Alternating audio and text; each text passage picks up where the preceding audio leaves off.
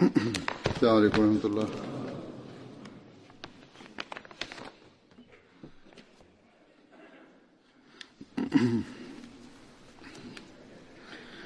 أشهد أن لا إله إلا الله وحده لا شريك له وأشهد أن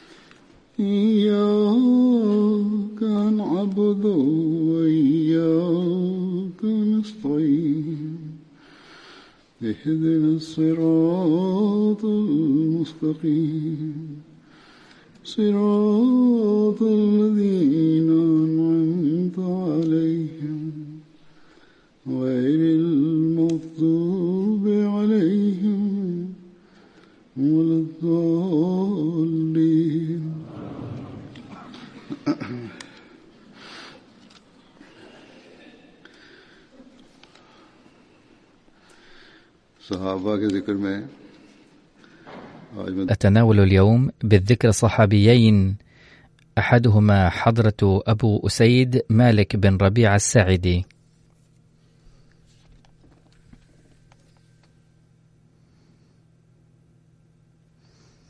سيدنا مالك بن ربيعة مشهور بكنيته أبي أسيد. وبعضهم ذكر أن اسمه هلال بن ربيعة أيضا. كان ينتمي إلى بني ساعدة من قبيلة الخزرج. كان سيدنا أبو أسيد مالك بن ربيعة قصير القامة. وكان شعر لحيته ورأسه قد ابيض وكان شعره كثا. وكان قد فقد بصره في الشيخوخة. توفي في عهد حضرة معاوية في عام ستين للهجرة عن عمر يناهز خمسة وسبعين عاما.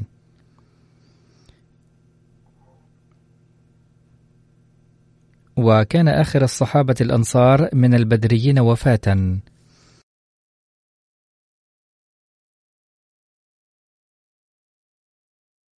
فقد شارك النبي صلى الله عليه وسلم في معركة بدر وأحد والخندق وسائر الغزوات بعدها. وعند فتح مكة كان معه راية بني ساعدة.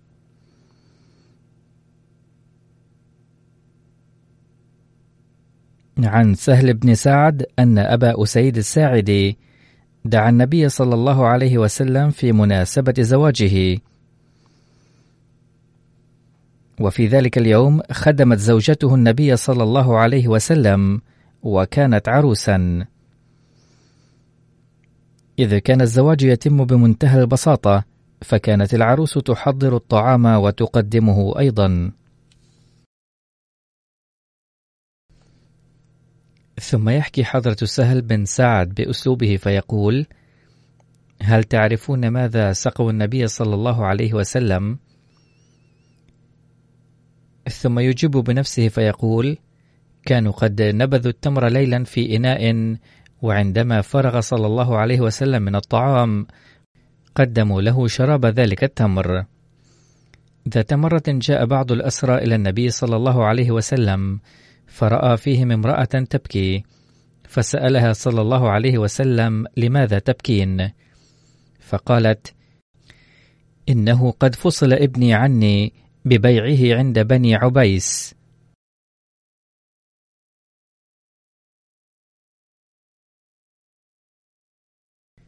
فطلب صلى الله عليه وسلم مالك الأسير.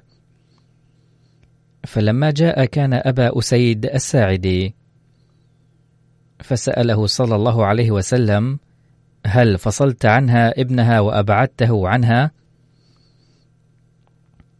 فقال كان معاقا وكانت لا تطيق حمله لذا قد بعته عند بني عبيس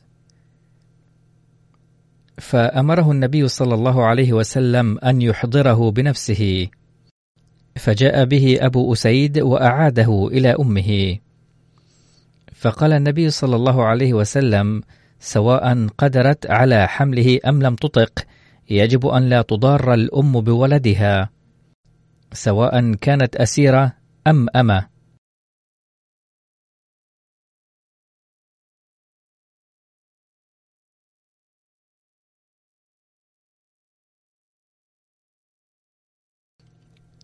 ذات مرة أجرى النبي صلى الله عليه وسلم سباقا للخيل والجمال فسبقت ناقته صلى الله عليه وسلم التي كان يركبها سيدنا بلال رضي الله عنه. وكذلك كان أبو أسيد الساعدي يركب حصانه صلى الله عليه وسلم في سباق الخيل فسبق جميع الخيول.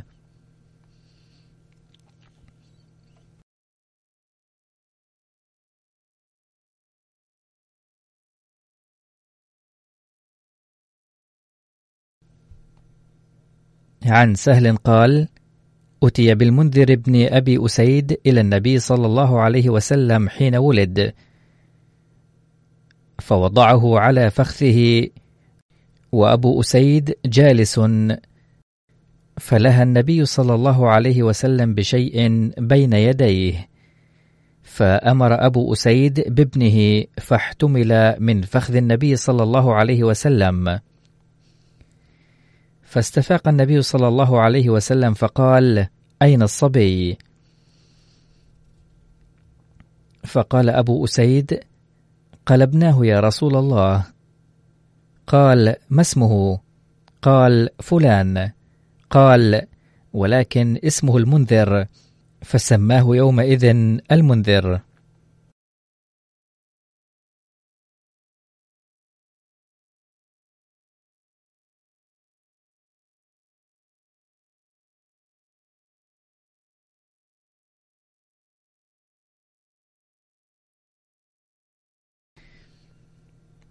ولقد بين الشارحون تسمية النبي ذلك الولد بالمنذر. أن اسم ابن عم سيدنا أبي أسيد كان منذر بن عمرو وكان قد استشهد في حادثة بئر معونة. فسمي بهذا الاسم تفاؤلا لكي يكون خير خلف.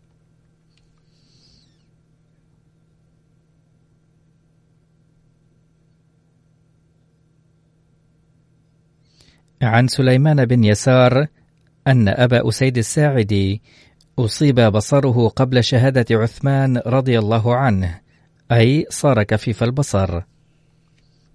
فقال الحمد لله الذي متعني ببصري في حياة النبي صلى الله عليه وسلم فرأيت البركات كلها. فلما أراد الله الفتنة في عباده كف بصري عنها لئلا أرى تلك الأوضاع السيئة.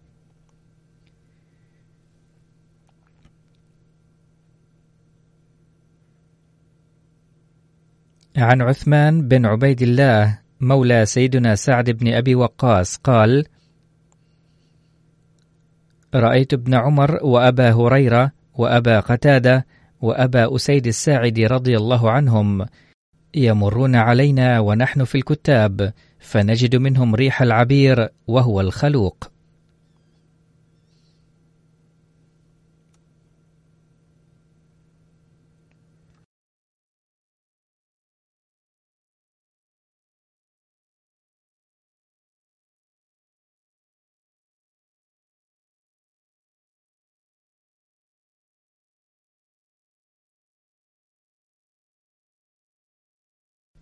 كان مروان بن الحكم يستعمل أبا أسيد الساعدي على الصدقة أي جمعها وتوزيعها. وكان إذا قدم أناخ على بابه فدفع إليه المال كله. حتى آخر ما يدفع إليه الصوت فيقول هو من مالكم. قال فقدم مرة فدفع إليه كل شيء فرجع إلى منزله فنام. فإذا حية تأخذ بعنقه فاستيقظ. فقال يا فلانة هل بقي شيء؟ قالت لا. قال فما شأن حية تأخذ بعنقي؟ انظري. فقالت بلى. قد بقي عقال موكى به جراب. قال فرده إليهم.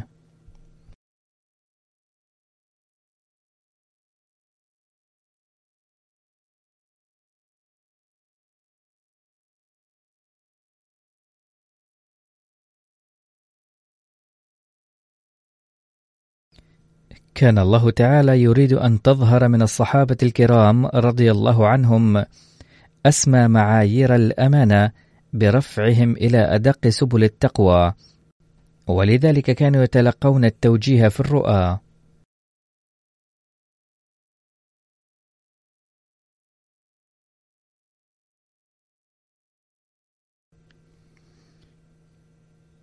عن عمارة بن غزية عن أبيه أنه حدث أن فتة سألوا أبا أسيد عن تخيير رسول الله صلى الله عليه وسلم الأنصار.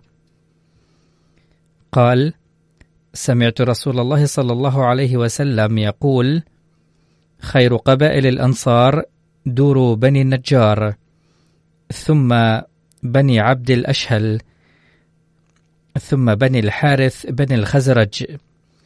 ثم بني ساعدة وفي كل الأنصار خير. قال أبو أسيد لو كنت قائلا غير الحق لبدأت بجدي.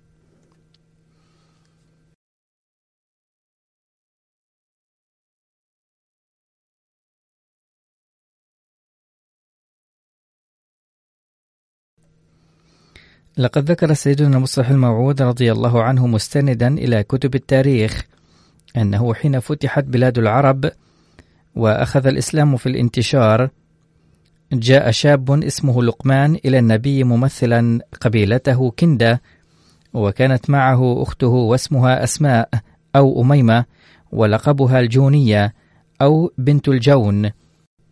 فأبدى الشاب رغبته عند النبي صلى الله عليه وسلم في أن يتزوج من أخته الأرملة. وهي على قص كبير من الجمال والكفاءة.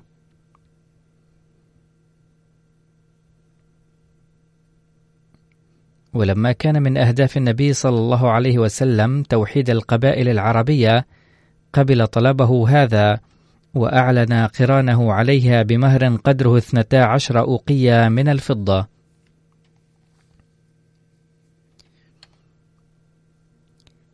فقال الشاب للنبي صلى الله عليه وسلم يا رسول الله نحن من علية القوم وهذا المهر قليل. فقال النبي صلى الله عليه وسلم لم تمهر أي من زوجاتي أو بناتي بأكثر من ذلك.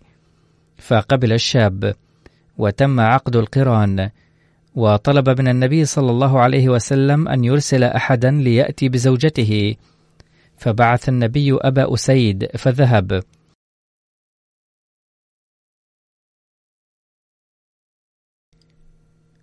ودعته الجونية في بيتها. فقال لقد نزل الحجاب على أزواج النبي فسألته عن أمور أخرى فذكرها لها. ثم أركبها بعيرا وجاء بها إلى المدينة.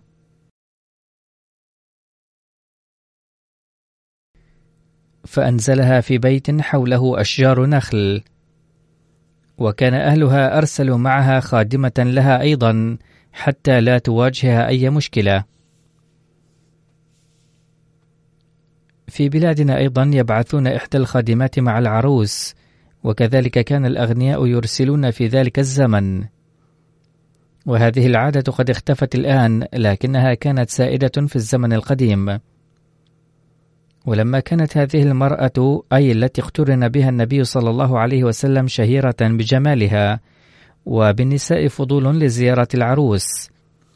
فمن الملاحظ أن نساء الحارة والجيران يتشوقن لرؤية عروس جديدة. فتوجهت نسوة من المدينة لرؤيتها وبحسب قول هذه العروس قالت لها إحدى النسوة يجب أن تشتدي على زوجك. فإذا جاء رسول الله فقولي له أعوذ بالله منك. فيحبك أكثر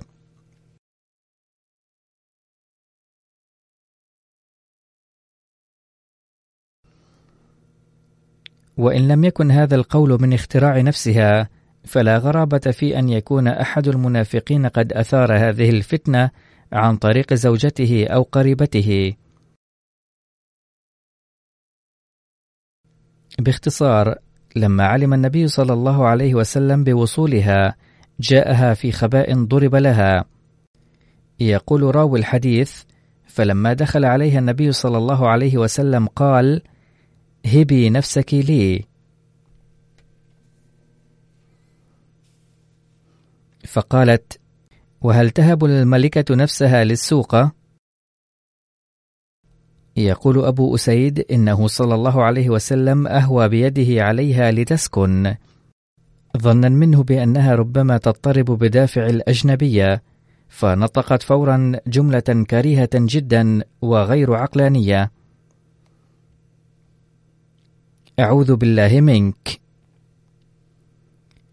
يقول المصلح الموعود رضي الله عنه حين يسمع نبي اسم الله تعالى يمتلئ أدبا ويفدي بنفسه عظمته تعالى لذا قال النبي صلى الله عليه وسلم فورا على ما قالت لقد عثت بعظيم أو عثت بمعاذ لذا أقبل طلبك.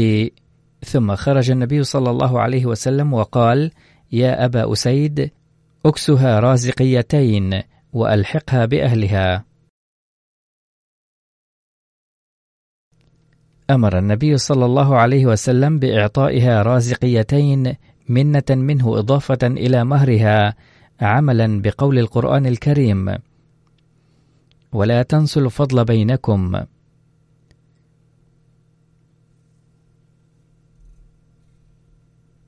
فهذا الحكم فيما يتعلق بالمرأة التي لم يمسها زوجها فأخذها أبو أسيد إلى أهلها.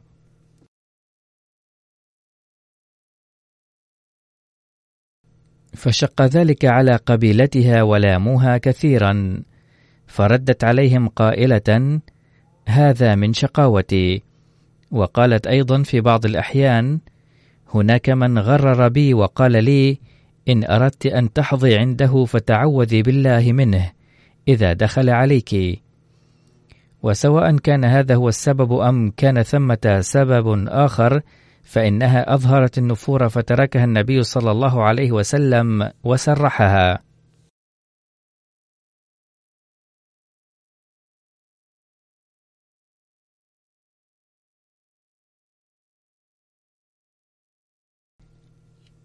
فالذين يتهمون النبي صلى الله عليه وسلم بأنه مزواج ومولع بالنساء الجميلات والعياذ بالله هذا الحادث وحده يكفيهم ردا كان سيدنا أبو أسيد يقول كلما سئل النبي صلى الله عليه وسلم شيئا لم ينكر قط.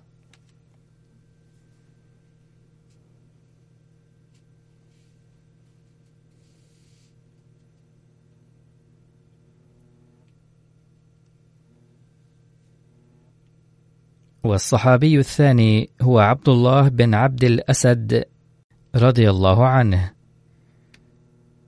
اسمه عبد الله وكنيته أبو سلمة وأمه برة بنت عبد المطلب. وكان ابن عمة النبي صلى الله عليه وسلم وأخا حمزة رضي الله عنه من الرضاعة. وكان رضع من ثوبية مولاة أبي لهب. وكانت أم المؤمنين أم سلمة رضي الله عنها أولا في عقده.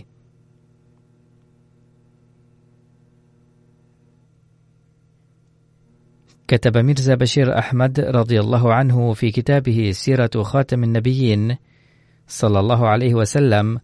كان أبو سلمة بن عبد الأسد أخ النبي صلى الله عليه وسلم من الرضاعة وكان من بني مخزوم. وبعد وفاته تزوج النبي صلى الله عليه وسلم من أرملته أم سلمة.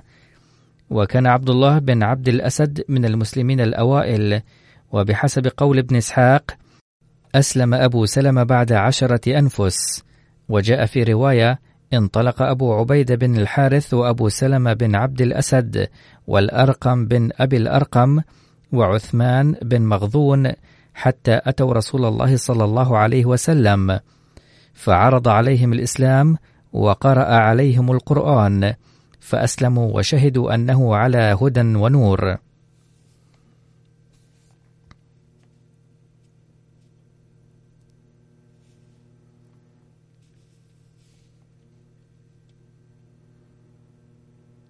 اشترك عبد الله بن عبد الأسد مع زوجته أم سلمة في الهجرة الأولى إلى الحبشة وبعد عودته من الحبشة هاجر إلى المدينة.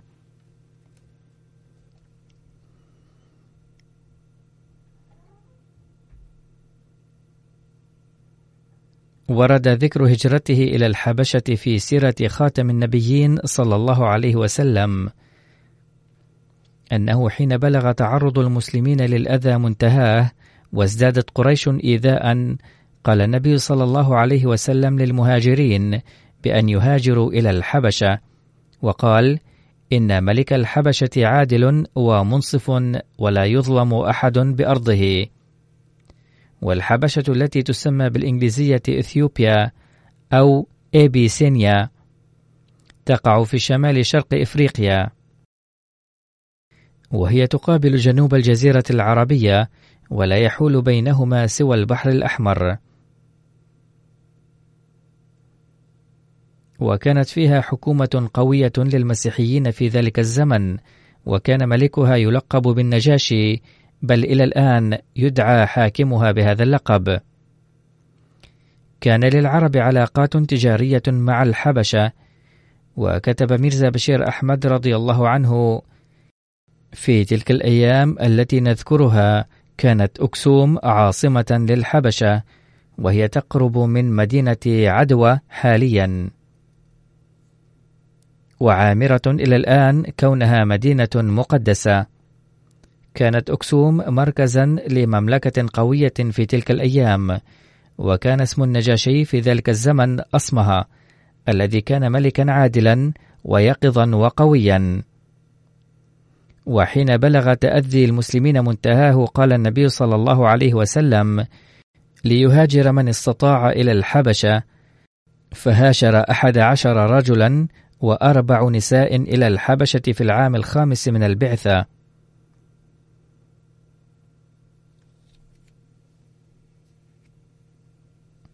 ومن أسماء هؤلاء المهاجرين المعروفة عثمان بن عفان وزوجته رقية بنت رسول الله صلى الله عليه وسلم وعبد الرحمن بن عوف والزبير بن العوام وأبو حذيفة بن عتبة وعثمان بن مضعون ومصعب بن عمير وأبو سلمة بن عبد الأسد وزوجته أم سلمة رضي الله عنهم. من الغريب أن معظم المهاجرين الأوائل كانوا من القبائل القوية والضعفاء بينهم قليلون. مما يتبين أمران. الأول أن المسلمين الذين كانوا من القبائل القوية لم يكونوا مصونين من مظالم قريش.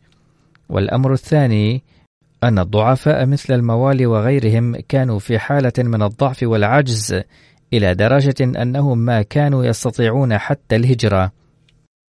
وحين وصل هؤلاء المهاجرون المتجهون نحو الجنوب الشيبة التي كانت ميناء العرب في ذلك الزمن وجدوا بفضل الله تعالى سفينة للتجارة أقلعت إلى الحبشة وقت وصولهم فركبوها بسلام وانطلقت السفينة. وحين علمت قريش مكة بهجرتهم غضبوا غضبا شديدا لخروج الصيد من أيديهم عبثا. لأنهم كانوا يتعقبونهم لكي لا يهربوا ولكن المسلمين ذهبوا. فحين وصلت قريش الميناء وراء المهاجرين كانت السفينة قد ذهبت فعادوا خائبين. نعم المسلمون بحياة الأمن بعد وصولهم الحبشة ونجوا من مظالم قريش بصعوبة. قال ابن إسحاق حين عاد أبو سلمة من الحبشة استجار بأبي طالب. فمشى إليه رجال من بني مخزوم وقالوا له يا أبا طالب لقد منعت منا ابن أخيك محمد صلى الله عليه وسلم فما لك ولصاحبنا تمنعه منا؟ قال إنه استجار بي وهو ابن أختي وإن أنا لم أمنع ابن أختي لم أمنع ابن أخي. فقام أبو لهب فقال لبني مخزوم يا معشر قريش والله لقد أكثرتم على هذا الشيخ أبي طالب.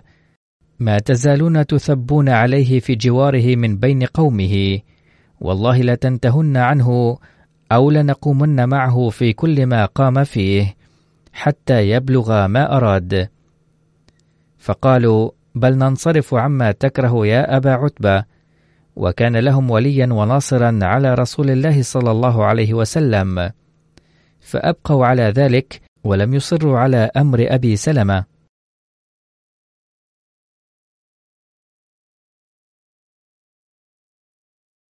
فطمع فيه أبو طالب حين سمعه يقول ما يقول ويؤيده ويمنع أصحاب قبيلة أخرى ورجى أن يقوم معه.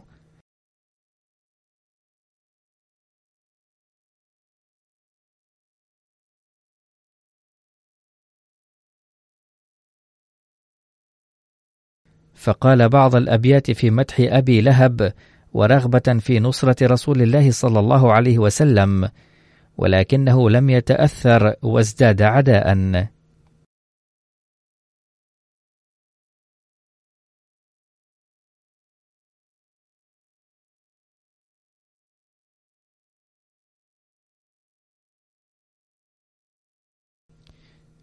قال ابن إسحاق عن أم المؤمنين أم سلمة رضي الله عنها قالت لما أجمع أبو سلمة الخروج إلى المدينة رحل لي بعيره ثم حملني عليه وجعل معي ابني سلمة بن أبي سلمة في حجري ثم خرج يقود بي بعيره فلما رأته رجال بني المغيرة قاموا إليه فقالوا أرأيت صاحبتنا هذه؟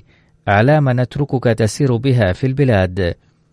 قالت فنزعوا خصام البعير من يده وأخذوني منه. قالت وغضب عند ذلك بنو عبد الأسود رهط أبي سلمة. وقالوا هذا ابن أبي سلمة والله لا نترك ابننا عندها. انطلق بابنها بنو عبد الأسد وحبسها بنو المغير عندهم. قالت فرق بيني وبين ابني وبين زوجي. قالت فكنت أخرج كل غداة فأجلس في الأبطح فما أزال أبكي حتى أمسي سنة أو قريبا منها. حتى مر بي رجل من بني عمي أحد بني المغيرة. فرأى ما بي فرحمني فقال لبني المغيرة ألا تخرجون هذه المسكينة؟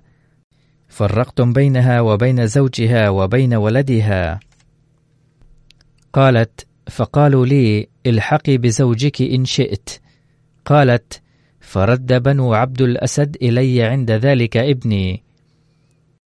قالت: فارتحلت بعيري، ثم أخذت ابني فوضعته في حجري، ثم خرجت أريد زوجي بالمدينة، وما معي أحد من خلق الله حتى إذا كنت بالتنعيم لقيت عثمان بن طلحة بن أبي طلحة. لم يكن قد أسلم حينها وأسلم في العام السادس من الهجرة. فقال إلى أين يا ابنة أبي أمية؟ قلت أريد زوجي بالمدينة. قال أو ما معك أحد؟ قلت ما معي أحد إلا الله وبني هذا. فقال والله ما لك من مترك. سأذهب معك. فأخذ بخصام البعير فانطلق معي. قالت أم سلمة فوالله ما صحبت رجلا من العرب قط. أرى أنه كان أكرم منه. كان إذا بلغ المنزل أناخ بي ثم استأخر عني. حتى إذا نزلت استأخر ببعيري فحط عنه. ثم قيده في الشجر ثم تنحى إلى شجرة فاضطجع تحتها. فإذا دنا الرواح قام إلى بعيري فقدمه فرحله. ثم استأخر عني وقال اركبي. فإذا ركبت فاستوليت على بعيري. أتى فأخذ بخطامه فقادني حتى ينزل بي. لم يزل يصنع ذلك بي حتى أقدمني المدينة. لما رأى عثمان بن أبي طلحة ديار بني عمرو بن عوف في قباء قال لي يا أم سلمة إن زوجك أبا سلمة مقيم هنا فانزلي بهذه الديار على بركة الله. ثم رجع عثمان إلى مكة. لما سار النبي صلى الله عليه وسلم إلى غزوة العشيرة في العام الثاني الهجري أمر أبا سلمة على المدينة. وكتب حضرة ميرزا بشير أحمد عن غزوة العشيرة بلغ النبي صلى الله عليه وسلم خبر عن قراش مكة فخرج من المدينة في جماعة من المهاجرين في جماد الأولى وجعل أخاه من الرضاعة أبا سلم بن عبد الأسد أميرا في غيابه. في هذه الغزوة وصل النبي صلى الله عليه وسلم بعد أن دار يمينا وشمالا إلى مكان يدعى العشيرة وذلك قريبا من مكان اسمه ينبع. ومع أنه لم يقع أي اشتباك مع قريش في هذه المسيرة إلى أنه أبرم مع قبيلة بني مدلج معاهدة على نفس الشروط التي عقد بها معاهدة مع بني زمرة. ثم رجع صلى الله عليه وسلم. وكانت الشروط التي تم الاتفاق عليها بين بني زمرة والمسلمين أن بني زمرة يكونون حلفاء للمسلمين ولا يساعدون أحدا عليهم. وإذا دعاهم النبي صلى الله عليه وسلم لنصرة المسلمين فسينصرونهم. وعاهدهم النبي صلى الله عليه وسلم من قبل المسلمين على أنهم سيكونون أصدقاء لبني زمرة وسينصرونهم عند الحاجة. وقد كتبت هذه المعاهدة كتابة ووقع عليها الطرفان. ثم ورد في كتاب سيرة خاتم النبيين الهزيمة التي أصيب بها المسلمون في أحد جعلت قبائل العرب أكثر جرأة على العدوان على المسلمين. فلم تمض على غزوة أحد فترة طويلة ولم يكن الصحابة قد شفوا من جروحهم بعد.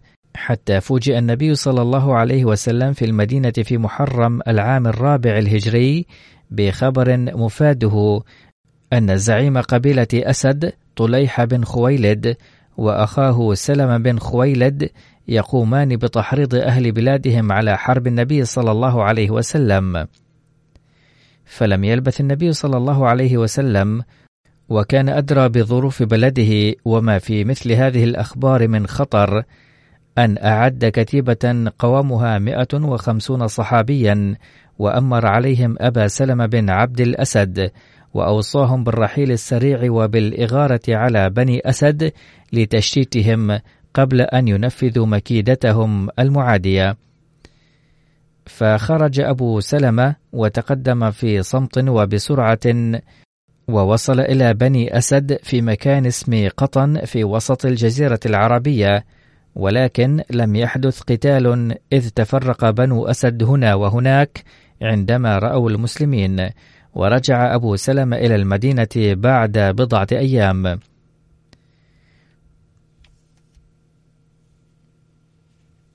ونتيجة ما أصاب أبا سلمة في هذا السفر من عناء شديد فسد جرحه الذي أصابه يوم أحد والذي كان مندملا في الظاهر فظل يفسد أكثر فأكثر رغم الدواء والعلاج حتى تسبب في وفاة هذا الصحابي القديم المخلص الذي كان أخ النبي صلى الله عليه وسلم بالرضاعة فغسلوه من ماء بئر اليسيرة التي كانت ملكا لبني أمية بن زيد وكانت تقع في مكان يدعى بالعالية.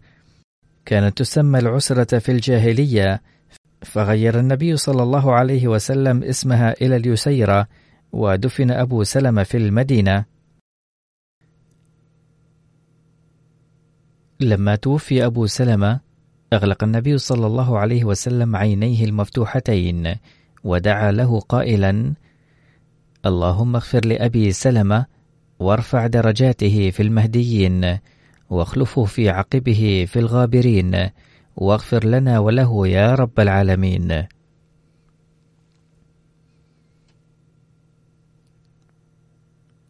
وفي رواية لما حانت وفاة أبي سلمة دعا الله وقال اللهم اجعل لأهلي خير خلف واستجيب دعاؤه حيث تزوج النبي صلى الله عليه وسلم أرملته.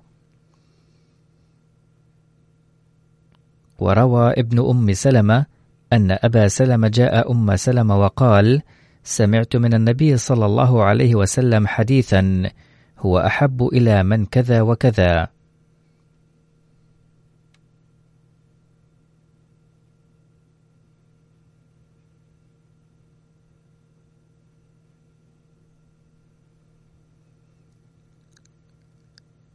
لقد قال النبي صلى الله عليه وسلم من أصابته مصيبة فقال إنا لله وإنا إليه راجعون. ورب إني أسألك ثوابا من عندك على هذا المصاب فهب لي بدلا منه.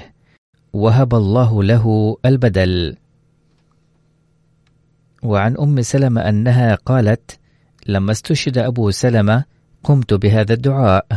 مع أني لم أكن مرتاحة البال لأسأل الله تعالى بدلا من أبي سلمة. ثم قلت في نفسي من ذا الذي يمكن أن يكون خيرا من أبي سلمة؟ فقد كان متحليا بكذا وكذا من المحاسن والشيم. ثم ظللت أردد هذا الدعاء بعد ذلك أيضا. ولما اكتملت عدة أم سلمة وصلتها من النبي صلى الله عليه وسلم رسالة يطلب فيها يدها. ثم تزوجها النبي صلى الله عليه وسلم. كتب حضرة ميرزا بشير أحمد في كتابه سيرة خاتم النبيين وهو يتحدث عن هذا الزواج. تزوج النبي صلى الله عليه وسلم أم سلمة في شوال من العام الرابع الهجري. كانت أم سلمة من بيت عريق من قريش. وكانت متزوجة من قبل من أبي سلمة بن عبد الأسد الذي كان صحابيا قديما ومخلصا حيث توفي السنة نفسها. ولما اكتملت عدتها أي اكتملت فترة الانتظار الذي فرضه الشرع الإسلامي على الأرملة أو المطلقة والتي لا يجوز لها الزواج قبل انتهائها رغب سيدنا أبو بكر في الزواج منها إذ كانت امرأة ذكية ومهذبة وذات كفاءات ولكنها رفضت طلب أبي بكر. وفي الأخير فكر النبي صلى الله عليه وسلم في الزواج منها. وكان من دواعي ذلك بالإضافة إلى كون أم سلمة متحلية بمزايا تجعلها جديرة بأن تكون زوجة لنبي شارع أنها كانت أرملة صحابي قديم عظيم القدر. ثم كان عندها أولاد مما يتطلب تدبيرا خاصا لها. ثم إن أبا سلمة بن عبد الأسد كان أخا النبي صلى الله عليه وسلم من الرضاعة ومن أجل ذلك كله كان صلى الله عليه وسلم مهتما برعاية أهل أبي سلمة وأولاده. باختصار أرسل النبي صلى الله عليه وسلم إلى أم سلمة طالبا منها الزواج فترددت قليلا وقدمت بعض الأعذار بأنها قد صارت كبيرة السن وهي غير قادرة على الإنجاب. ولكن النبي صلى الله عليه وسلم كان يرغب في زواجها لأسباب أخرى فرضيت في الأخير. فصار ابنها ولي أمرها فزوجها من النبي صلى الله عليه وسلم. وكما أسلفت كانت أم سلمة سيدة عظيمة القدر والمنزلة وذكية وفطينة كما كانت تتبوأ مكانة عالية في الإيمان وكانت من المهاجرين إلى الحبشة في أوائل البعثة وكانت أولى المهاجرات إلى المدينة أيضا وكانت متعلمة ومثقفة وقد ساهمت في تعليم المسلمات وتربيتهن مساهمة كبيرة وتوجد في كتب الحديث أحاديث وروايات كثيرة عنها. وهي في هذا المجال تحتل المكان الثاني بين أزواج النبي صلى الله عليه وسلم والثاني عشر بين الصحابة والصحابيات كلهم. هذا ما أردت ذكره عن الصحابة. نسأل الله تعالى أن يرفع درجات الصحابة باستمرار ووفقنا لفعل الخيرات التي كانوا يفعلونها. آمين. أما الآن فأود ذكر بعض من توفوا. ثم سأصلي عليهم الجنازة. وأولهم هو راجا نصير أحمد ناصر المرحوم. كان من الذين قد نذروا حياتهم لخدمة الدين. كان من الدعاة وناظر الإصلاح والإرشاد المركزي سابقا. توفي في السادس من يوليو في الساعة الحادية عشر صباحا في مستشفى طاهر للقلب عن عمر يناهز ثمانون عاما. إنا لله وإنا إليه راجعون. كان مريضا منذ عدة سنوات. ظلت صحته تتدهور منذ عام 2012 باستمرار وصار طريح الفراش تماما قبل ثلاثة أشهر نتيجة النزيف الدماغي. ولد المرحوم في السابع من مايو عام 1938 في مدينة بهيرا بمحافظة سرغودا ودرس هنالك حتى الثانوية ثم ذهب إلى لاهور حيث عمل في وظيفة محاسب في مصلحة الري. وفي عام 1958 نذر حياته لخدمة الدين والتحق بالجامعة الإسلامية الأحمدية ونال شهادة شاهد عام 1965 الأحمدية دخلت في عائلته بواسطة والده راجا غلام حيدر المحترم الذي كان بايع على يد الخليفة الثاني رضي الله عنه ثم جعل والديه وإخوته وأخواته يبايعون. كانت أمنية والد راجا نصير أحمد أن يكون أحد أولاده واقفا لحياته لخدمة الدين. فتحقيقا لأمنية والده ملأ راجا المرحوم استمارة وقف الحياة لخدمة الدين عام 1958 وذهب بها إلى أخيه الأكبر المرحوم راجا نذير أحمد ظفر ليوقع عليها. فقال له أخوه فكر جيدا لأن وقف الحياة أمر صعب ويتطلب جهدا عظيما ومسؤولية كبيرة. فقال لأخيه لقد فكرت جيدا فأرجو أن توقع على الاستمارة حيث كان والده قد توفي. وهكذا نذر حياته في سبيل الله تعالى والتحق بالجامعة الإسلامية الأحمدية كما قلت وتخرج منها ودخل مجال العمل. بعد التخرج من الجامعة وفق لخدمة الجماعة 47 عاما. خدم الجماعة في شتى أماكن باكستان كداعية ومرب. وفي الأيام التي كانت فيها بنغلاديش وباكستان بلدا واحدا خدم المرحوم الجماعة في باكستان الشرقية أو بنغلاديش كداعية كما عمل كداعية للجماعة في أوغندا وزعير وإندونيسيا. وخدم كمدرس في الجامعة الأحمدية ثم خدم بصفة نائب ناظر في مؤسسة صدر أنجما أحمدية ثم عمل بصفة ناظر الإصلاح والإرشاد المركزي عشر سنوات. كما خدم في منصب الناظر الإضافي للزواج لعامين. ثم وفقه الله للخدمة في منصب ناظر الإشاعة الإضافي عامين. ثم تقاعد في عام 2012 زوجته كانت ابنة عمه وقد توفيت من قبل في حياته. ترك المرحوم وراءه ثلاثة أبناء أحدهم راجا محمد أحمد يسكن هنا في لندن. الآخر اسمه راجع عطاء المنان يعمل داعية في وكالة التصنيف في ربوة. وابنه الثالث راجع محمد أكبر أيضا يسكن في لندن. كان المرحوم كثير التوكل على الله تعالى وكثير الدعاء. يقول ابنه كان والدي يعمل داعية في بنغلاديش وفي تلك الأثناء نشب الحريق في بعض البيوت ووصل إلى بيوت الأحمديين القريبة منها. فدعا المرحوم قائلا يا إلهي إن مسيحك يقول إن النار خادمة لنا بل خادمة خدامنا. فاحفظنا من هذه النار الناشبة. يقول الراوي بأن النار وصلت إلى قرب بيت أحد الأحمديين ولكن غيرت اتجاهها بمجرد أن لمست زاوية منه فقط لمسة خفيفة وحفظت بيوت الأحمديين من الضرر. عمل المرحوم داعية في أوغندا أيضا وكان يذهب لتبليغ الدعوة إلى أماكن مجاورة صباحا ويعود مساء لأنه لم يكن هناك مكان للمبيت. فحدث ذات مرة أن جاءه شخص من أفراد الجماعة الإسلامية المودودية. وحسب المرحوم أيضا شيخا من إحدى الجماعات التبليغية وقال له عندي سيارة ثمنها 1400 دولار ويمكنك أن تشتريها. ثم تمت الصفقة مقابل 1150 دولارا ولكن ظروف الجماعة ما كانت تسمح بشرائها ولم تكن عند المرحوم راجا نصير أحمد أيضا نقود تكفي لشرائها. ولكنه مع ذلك وافق على الصفقة ودعا الله تعالى أن يهيئ له هذا المبلغ ليسهل تبليغ الدعوة فيضع في السيارة موقدا وفراشا ويخرج لتبليغ الدعوة. على أي حال تمت الصفقة وأعطاه البائع مهلة بضعة أيام لأداء ثمن السيارة. فيقول المرحوم أنه فتح ذات يوم صندوق بريده ووجد فيه رسالة جاءت من أخي زوجته من كندا قال فيها أنه رأى الليلة رؤيا مفادها أنك بحاجة إلى 1150 دولارا. ولا أدري السبب وراء حاجتك لهذا ولكنني مرسل إليك هذا المبلغ على أي حال. وكانت الرسالة مصحوبة بشيك قدره 1150 دولارا.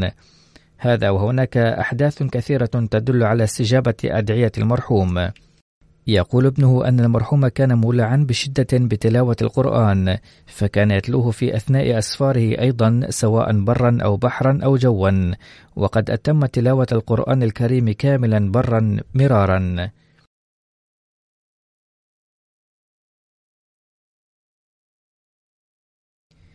يقول ابنه السيد عطاء المنان الذي يعمل داعية في وكالة التصنيف في ربوة كان أبونا ينصحنا دائما بأمرين. لا تشركوا بالله شيئا أبدا وكونوا على صلة متينة بالخلافة دائما. وقد جعل المرحوم هذين الأمرين محور حياته أيضا. كان يحترم والديه كثيرا فتقول أخته أنه كان يطيع والدته كثيرا إلى درجة أنها لو قالت له شيئا واحدا أكثر من مرة لسمعه كل مرة كما لو أنه يسمعه لأول مرة ولم يقل لها قط أنك قلت لي هذا من قبل. تقول زوجة ابنه واقف الحياة. في الأعوام الثمانية عشر الماضية لم أجرب من هذا البيت وخاصة من حمي وحماتي إلا الحب والود. كان المرحوم يقول لوالدتي سأجعل ابنتك تنسى بيت والديها. فقالت أن للبنات أن ينسين أبويهن. فقال إذا تعامل الأحماء معهن مثل والديهن فسينسين أبويهن. باختصار لقد عامل زوجات أبنائه دائما بكثير من الحب والود. كان حمي يحب الله ورسوله والمسيح الموعود عليه السلام والخلفاء كثيرا. كما كان يحب القرآن الكريم وخليفة الوقت ويطيعه طاعة كاملة. لقد وجدته يفهم الأمور بدقة ويملك رأيا سديدا وحليما جدا. وكان من عادته أن يتم تلاوة القرآن الكريم كاملا كل شهر. يقول بعض أقاربه أيضا أننا رأينا كيف كان الله تعالى يسد حاجته ويجيب أدعيته بصورة غير عادية. أقول: كان المرحوم داعية ناجحا ويملك مؤهلات إدارية كبيرة. كانت علاقته مع الخلفاء مضرب المثل حتى يمكن القول أنه كان يطيع الخليفة كما تطيع حركة النبض حركة القلب. أقول عندما عينني الخليفة الرابع رحمه الله ناظر الأعلى لاحظت أنه كان يطيعني كثيرا واضعا في الحسبان أن الخليفة عينني على هذا المنصب وأنا أمثله لذا كان يرى طاعتي واجبة. باختصار كان مستوى طاعته عاليا جدا بحيث قل أن يوجد نظيرها في العالم. ندعو الله تعالى أن يغفر له ويوفق أولاده أيضا للاستمرار في حسناته ومزاياه الحسنة. كان المرحوم يملك صفات حسنة كثيرة منها الاهتمام بالفقراء والاهتمام بالدعاة الذين عملوا معه وتلبية حاجاتهم، كما كتب إلي كثير منهم.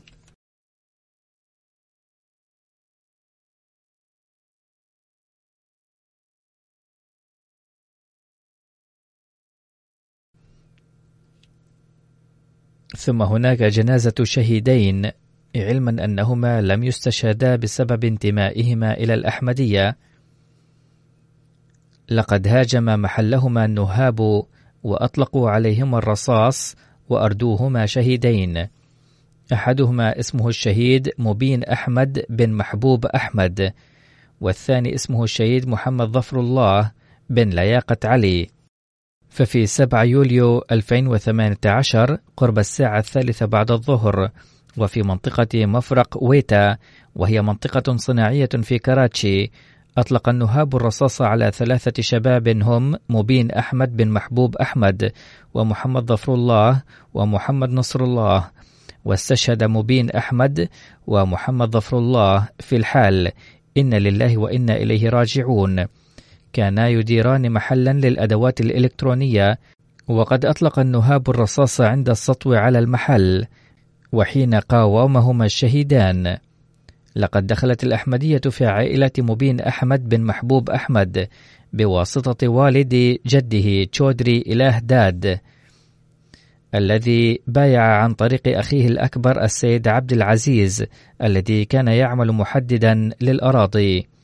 بعد البيعة عارضه أبناؤه وحددوا له موضعا معينا في البيت وفصلوا آنيته ليأكل ويشرب فيها ولكنه تحمل المعارضة بصبر كبير.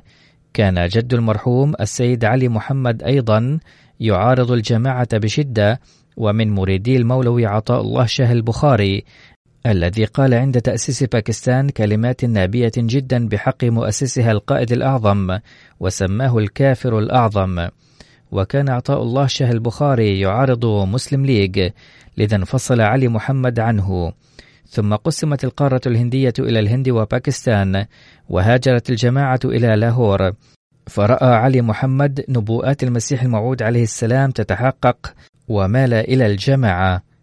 بعد تأسيس باكستان انتقلت هذه العائلة إلى مدينة نواب شاه وعندما زار سيدنا المصلح الموعود رضي الله عنه مناطق السند. ورآه جد المرحوم في محطة القطار قال فورا بالنظر إلى وجهه الكريم هذا الوجه ليس وجه كذاب. فبايع وانضم إلى الجماعة.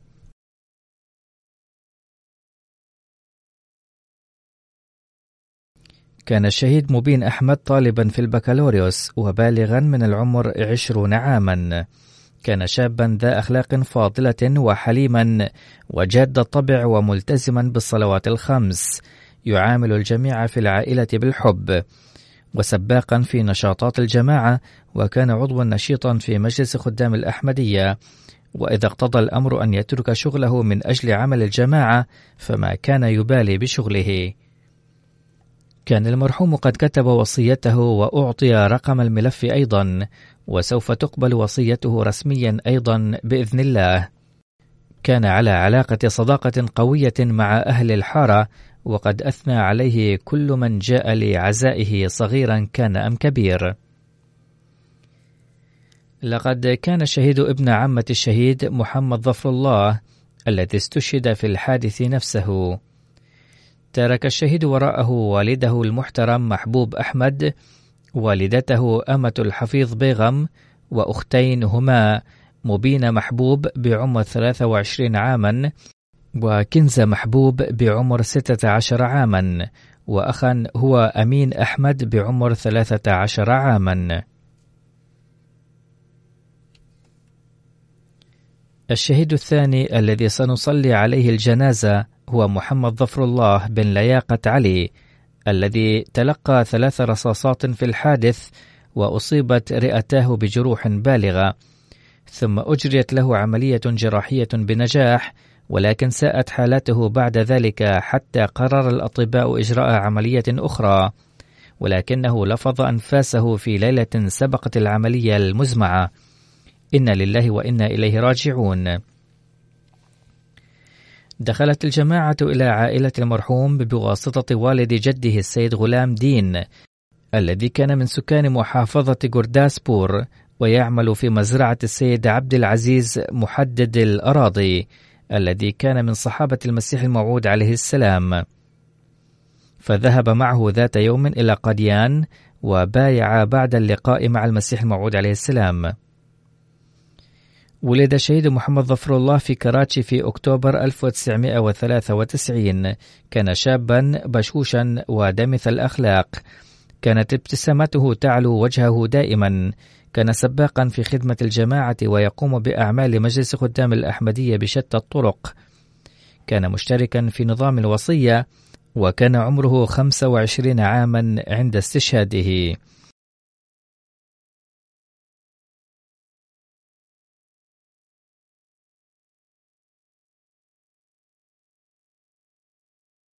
وترك وراءه والده السيد لياقة علي ووالدته السيدة نصيرة بيغم وخمسة إخوة هم وجاهت أحمد بعمر 33 عاما ومنصور أحمد 31 عاما مستنصر أحمد 28 عاما وشجاع أحمد 27 عاما والحافظ محمد نصر الله 24 عاما. وقد أصيب أخو الشهيد الحافظ نصر الله أيضا بجروح في الحادث وقد أجريت له عملية جراحية ويتلقى العلاج حاليا في المستشفى. ندعو الله تعالى أن يشفيه شفاء كاملا عاجلا ويرفع درجات المرحومين ويلهم ذويهم الصبر والسلوان.